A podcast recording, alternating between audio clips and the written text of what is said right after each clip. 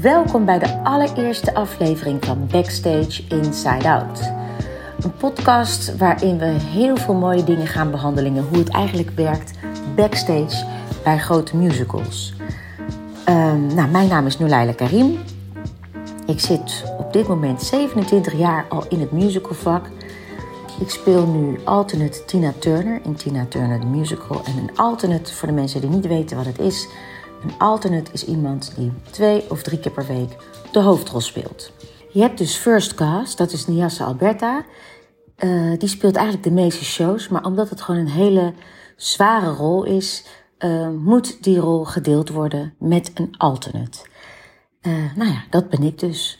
En ik mag mezelf gelukkig prijzen dat ik dit werk mag doen. Want ik heb eigenlijk nooit, nou, ik heb nooit geweten wat ik anders zou willen doen. Ik heb ook nooit wat anders gedaan ik doe dit echt al vanaf ik heel klein ben. En het was al, het begon al thuis. We hadden altijd een hele grote familie en er waren er feestjes. En dan ging ik iedereen entertainen en dan ging ik voor ze zingen. En ja, mijn grote droom was om met een groot circus rond te gaan reizen. En mijn leven was muziek, optreden, dansen en zingen. Musicals had ik niet per se over nagedacht, maar zingen sowieso. Eigenlijk ben ik gewoon het vak ingerold via via. Iemand die mij een keer meenam naar een auditie voor Miss Saigon. En zonder opleiding ben ik begonnen. En ik heb er intens van genoten. Voor mijn gevoel is dit een studententijd geweest van 27 jaar. Ik heb zo ontzettend veel geleerd. Ik heb zo ontzettend veel gewoon op de vloer geleerd. En ik besef dat dit gewoon het leven is wat echt bij me hoort. En op een gegeven moment kom je dus op een leeftijd dat je denkt, nou, stel je voor als ik tegen de 50 loop, zijn er dan nog wel rollen voor mij? Nou, toen ben ik uh, ja, goed over na gaan denken dat ik dacht, ik wil geen zure oude musicalactrice worden. Ik wil niet zuur in het leven staan. Ik wil gewoon kijken ja, wat ik eigenlijk nog meer leuk vind. Dus ik ben uh, echt gestopt met musicals. Een jaartje of uh, vier zo. En nou, toen ben ik eens wat zanglesjes gaan geven hier en daar op het conservatorium. En uh, um, wat ik dus tegenkwam, was dat als mensen gaan zingen, dat, er, dat je heel vaak bij emoties komt. Want je staat eigenlijk, als je zingt, leg je je ziel bloot. En uh, ja, dan kwamen er allemaal emoties naar boven bij mensen, of er kwamen allemaal verhalen naar boven. Ja, en dan was ik ze wel intuïtief aan het helpen, maar toen dacht ik, ja, ik zou toch best wel graag tools willen hebben om deze mensen te helpen. Want wat ik intuïtief wel hoorde was bijvoorbeeld als iemand dan een beetje geknepen zong en dat, dat de stem dan een beetje uh, hoog zat, dacht ik van nou daar zit heel veel spanning. En dan vroeg ik, waar komt die spanning vandaan? En nou ja, zo was ik eigenlijk een soort van therapeutisch werk aan doen. En toen dacht ik, ja, maar je bent wel met mensen hun gedachten aan het werken. En je weet eigenlijk niet wat je doet. Dus ja, uh, boor ik dan wel dingen aan die ik aan moet boren. Uh, ja, zangtechnisch heb ik ook geen opleiding voor gehad. Maar goed, dat heb ik in de praktijk wel geleerd. Maar weet ik hier wel wat van. Dus toen ben ik... Uh, nou, dit is trouwens echt een aanrader. In Zoetermeer bij BPD Training, bij Rob Kamps, uh, ben ik begonnen met uh, Practitioners NLP. En ja, daar is mijn leven eigenlijk compleet veranderd. Door de mooie oefeningen die we kregen en die we ook zelf moesten uitvoeren, kwam ik eigenlijk allemaal blokkades tegen die we aan het oplossen waren. Waardoor ik stappen ging zetten die ik voor die cursus nooit had durven zetten. En ik had wel eens wat van NLP gehoord, neurolinguistisch programmeren. Maar wat het nou precies inhield of wat je ermee zou kunnen doen, had ik geen flauw idee van. Dus toen ik mijn eerste cursus had afgerond en, nou ja, prachtige stappen zette, zoals bijvoorbeeld een eigen theaterproductie maken. Ik had heel veel angst overwonnen door de prachtige oefeningen die we deden. Dacht ik, ja, maar dit kan ik in gaan zetten. Dit is fantastisch. Dit kan ik inzetten bij mensen die podiumvrees hebben of uh, auditiestress of bang zijn voor hoge noten. Uh, Eigenlijk kon ik de mensen die ik les gaf op het conservatorium, door middel van deze prachtige tools die ik had geleerd, op een heel ander vlak verder helpen. En niet puur zangtechnisch, maar gewoon wat gaat er in je lijf om? En waarom heb je deze blokkade? En ik werd daar wild enthousiast van. Dus ik ging het inderdaad inzetten in mijn lessen. En ik zag gewoon prachtige veranderingen. Ik zag gewoon dat je puur door mindset dingen al anders kon gaan, zingen zonder technisch aan de slag te gaan. Ehm, het heeft mij toen zoveel gebracht dat ik dacht, nou, ik ga de volgende opleiding ook doen. Dus toen heb ik de uh, master practitioner gedaan, daarna de coach en daarna de master coach. En ik ben best wel leergierig, dus ik ben daarnaast nog allemaal andere kleine opleidingen gedaan, uh, gaan doen, coachopleidingen. En zo heb ik langzaam een eigen methode ontwikkeld. Ja, het is geen officiële methode, maar uh, ja, mijn, uh, mijn NLP-leraar die kwam met een hele mooie naam. SNAP, Singing and Neuro-Associative Performance. Um, nou ja, dat gebruik ik nu eigenlijk met de mensen die ik coach of zangles geef. Ik vind het woord coach vind ik soms nog wel een beetje ingewikkeld, omdat uh, heel veel uh, ervaringsdeskundigen kunnen zichzelf vaak coach uh, noemen en werken ook vanuit hun eigen pijn. En ja, eigenlijk wat ik heel belangrijk vind, is dat je als je iemand begeleidt, jezelf uitzet. Je kan wel al je ervaring inzetten, absoluut. Maar je moet jezelf uitzetten en uh, nieuwsgierig zijn naar degene die jij coacht. En gewoon kijken waar zit de blokkade. En als je weet hoe diegene, als je goed onderzoek hebt gedaan, kan je kijken hoe je die blokkade eventueel op zou kunnen lossen. Um, nou, dat gebruik ik dus nu in mijn lessen, in mijn trainingen. En eigenlijk doe ik dat nu al jaren. En ik vraag heel vaak aan collega's van mij: Goh, mag ik even op jou oefenen? En uh, ik ben ook wel eens begonnen met, met mijn eigen praktijk op te richten. Maar ik heb nooit echt gedurfd om mezelf uit te geven als trainer of als coach. Omdat ik zelf gewoon nog op het podium sta. En omdat ook mijn collega's en iedereen ziet mij ook natuurlijk als die zangeres. Maar ik denk dat het nu tijd is om die switch te gaan maken. Ook omdat ik nu al 27 jaar in het vak zit en op een gegeven moment denk van ja, de tijd is daar gekomen dat, uh, dat de grote rollen eigenlijk gewoon lekker voor, hè, voor, uh, voor de generatie na mij is. En ik heb eigenlijk alles al gespeeld wat ik had willen spelen. En mijn aller, aller, allergrootste droom was de rol van Tina Turner te spelen. En die is uitgekomen. Dus dit jaar dat ik dit nog lekker ga spelen, wil ik ook gewoon de mensen meer kennis laten maken met het werk wat ik doe. En vandaar deze podcast. Zolang ik kan, denk ik dat ik blijf zingen. Want dat is altijd mijn drijfveer en mijn passie geweest. Maar ik weet niet of ik nog zulke kluiven van rollen mag en kan spelen. Want het is nogal wat. En je voelt toch wel die gewrichtjes, die, uh, ja, die gaan allemaal niet meer zo heel makkelijk mee. Het gaat wel. En het gaat goed. Uh, maar ik heb wel zoiets van, ik ga wat nieuws neerzetten. En ik heb nou eigenlijk een enorme passie.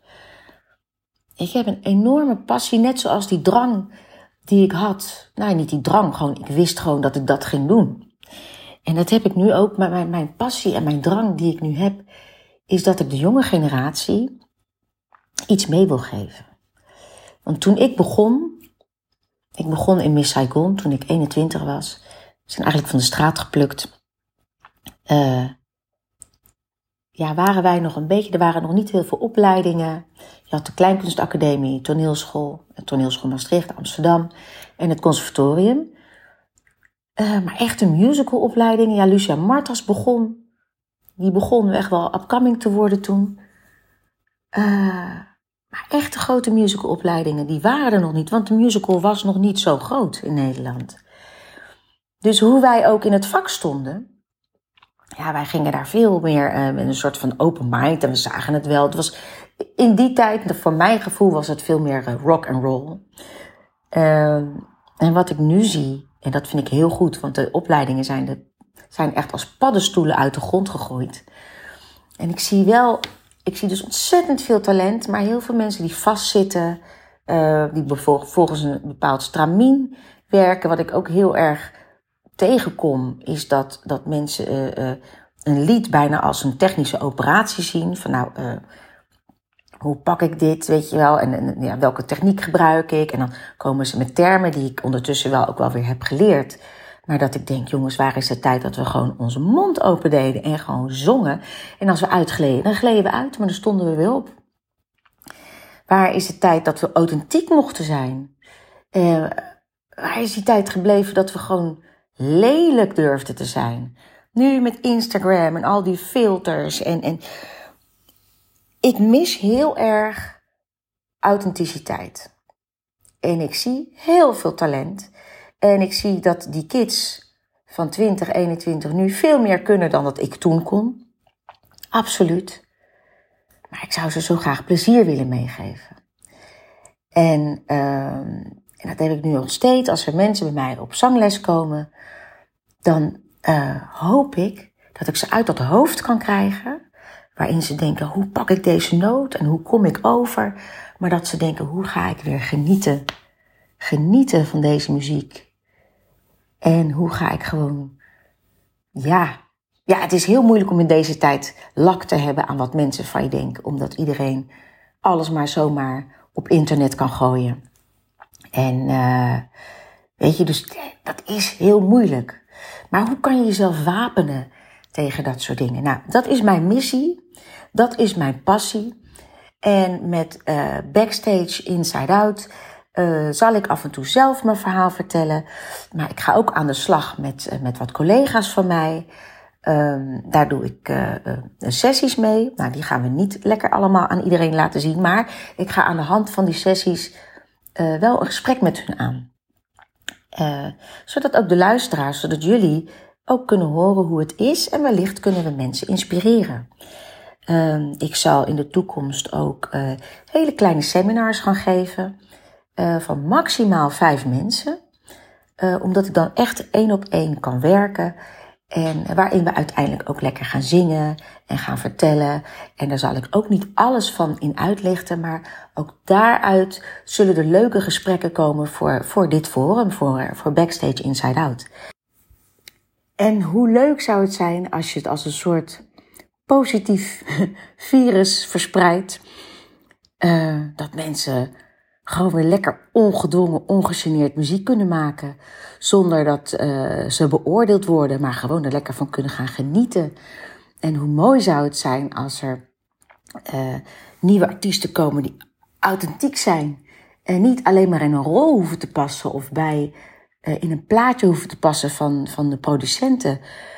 Maar nou, dat, dat, zou, dat is eigenlijk mijn allergrootste droom. En dan zou ik het nog leuker vinden om dan met die mensen lekker op te treden. Um, en zelf weer mooie producties te maken. Maar goed, dat is allemaal toekomstmuziek. Want wat ik nu aan het doen ben, is gewoon jullie een beetje kennis te laten maken. Inderdaad, met het werk wat ik doe. En uh, deze podcast is ook nog niet helemaal professioneel opgenomen. Maar weet je, dat is ook een ding wat voor mij heel belangrijk is. Als je gaat wachten tot iets helemaal perfect is, kom je geen stap verder. Dus ik ga er ook van uit dat iedere stap die wij gaan zetten in deze podcast steeds leuker en uitgebreider en uh, professioneler gaat worden. Baby steps, daar mogen we blij mee zijn. Dat is ook wat ik altijd mijn, uh, mijn leerlingen meegeef. En wat ik ook echt heel leuk vind om mee te geven, aan het musicalpubliek, wat nu al jaren zo trouw naar musical gaat. Het is echt ongelooflijk. Ik denk heel vaak weer, hoe kan het dat die zaal weer vol zit? Hoeveel mensen zijn er in Nederland? Uh, ik denk dat het heel leuk is dat ook het publiek dus een ander beeld krijgt van de mensen die daar op toneel staan. En dat het niet iets is uit tabloids of juice-kanalen, maar dat je gewoon echt zo wat meer inzicht gaat krijgen in het vak. En ik hoop dat ik als oude rot in het vak een beetje sparkle en een sprankje van, van, van geluk aan de nieuwe generatie door kan geven. Want als je dat nou zou kunnen combineren, hè, die, die, die oude rauwheid, waarin je alles vanuit je gevoel doet, en dat gepolijste, wat de meeste leerlingen nu hebben gekregen, als je dat samen zou smelten, mijn god, dan wordt de generatie na ons nog veel sterker en nog veel steadier. Ja, dat zou mooi zijn als we daar een steentje aan zouden bij kunnen dragen. En het zou mooi zijn als ook het publiek hierin gaat groeien en dat wij elkaar wat beter gaan leren kennen. En met samen groeien bedoel ik ook dat uh, het misschien ook eens tijd is dat wij als musicalartiesten ons publiek een kijkje geven in ons leven. Want mensen hebben vaak geen idee waar het over gaat. Uh, ja, je ziet mooie kostuums, je ziet glitter en glamour. Nou ja, ik kan je vertellen, af en toe loop je wel eens over een rode loper met een geleende jurk. Maar dan ga je gewoon weer naar je huurhuisje en je gaat je hond uitlaten. Weet je, je wordt er absoluut niet rijk van. Uh, het is echt een passie, het is echt een vak, het is topsport. Je, je hebt geen, uh, je viert geen feestdagen, je hebt nooit weekenden. Um, het wordt vaak gebagatelliseerd. En ja, wij leveren heel veel in, maar dat doen we met alle liefde. Dus het is niet dat, we, dat uh, niet klagen. Maar ik denk dat het heel erg leuk is. Uh, ja, als mensen op een andere manier ook naar dit vak gaan kijken. En dat we zo samen kunnen groeien. Dat is eigenlijk wat ik ermee bedoel. Dus ik hoop oprecht dat deze opname een beetje heeft getriggerd. Uh, om volgende week weer te luisteren. En uh, je, zou, je kan naar mijn Instagram pagina gaan, Leila Karin. En daar zou je eventueel ook wat vragen kunnen stellen. Uh, die ik wellicht kan beantwoorden in een volgend gesprek. En um, nou, er komen ook hele leuke gesprekken aan met collega's. ik hoop in de toekomst lekker muziek te gaan maken met collega's. Dus het belooft allemaal heel erg leuk te worden. Ontzettend bedankt voor het luisteren en tot de volgende.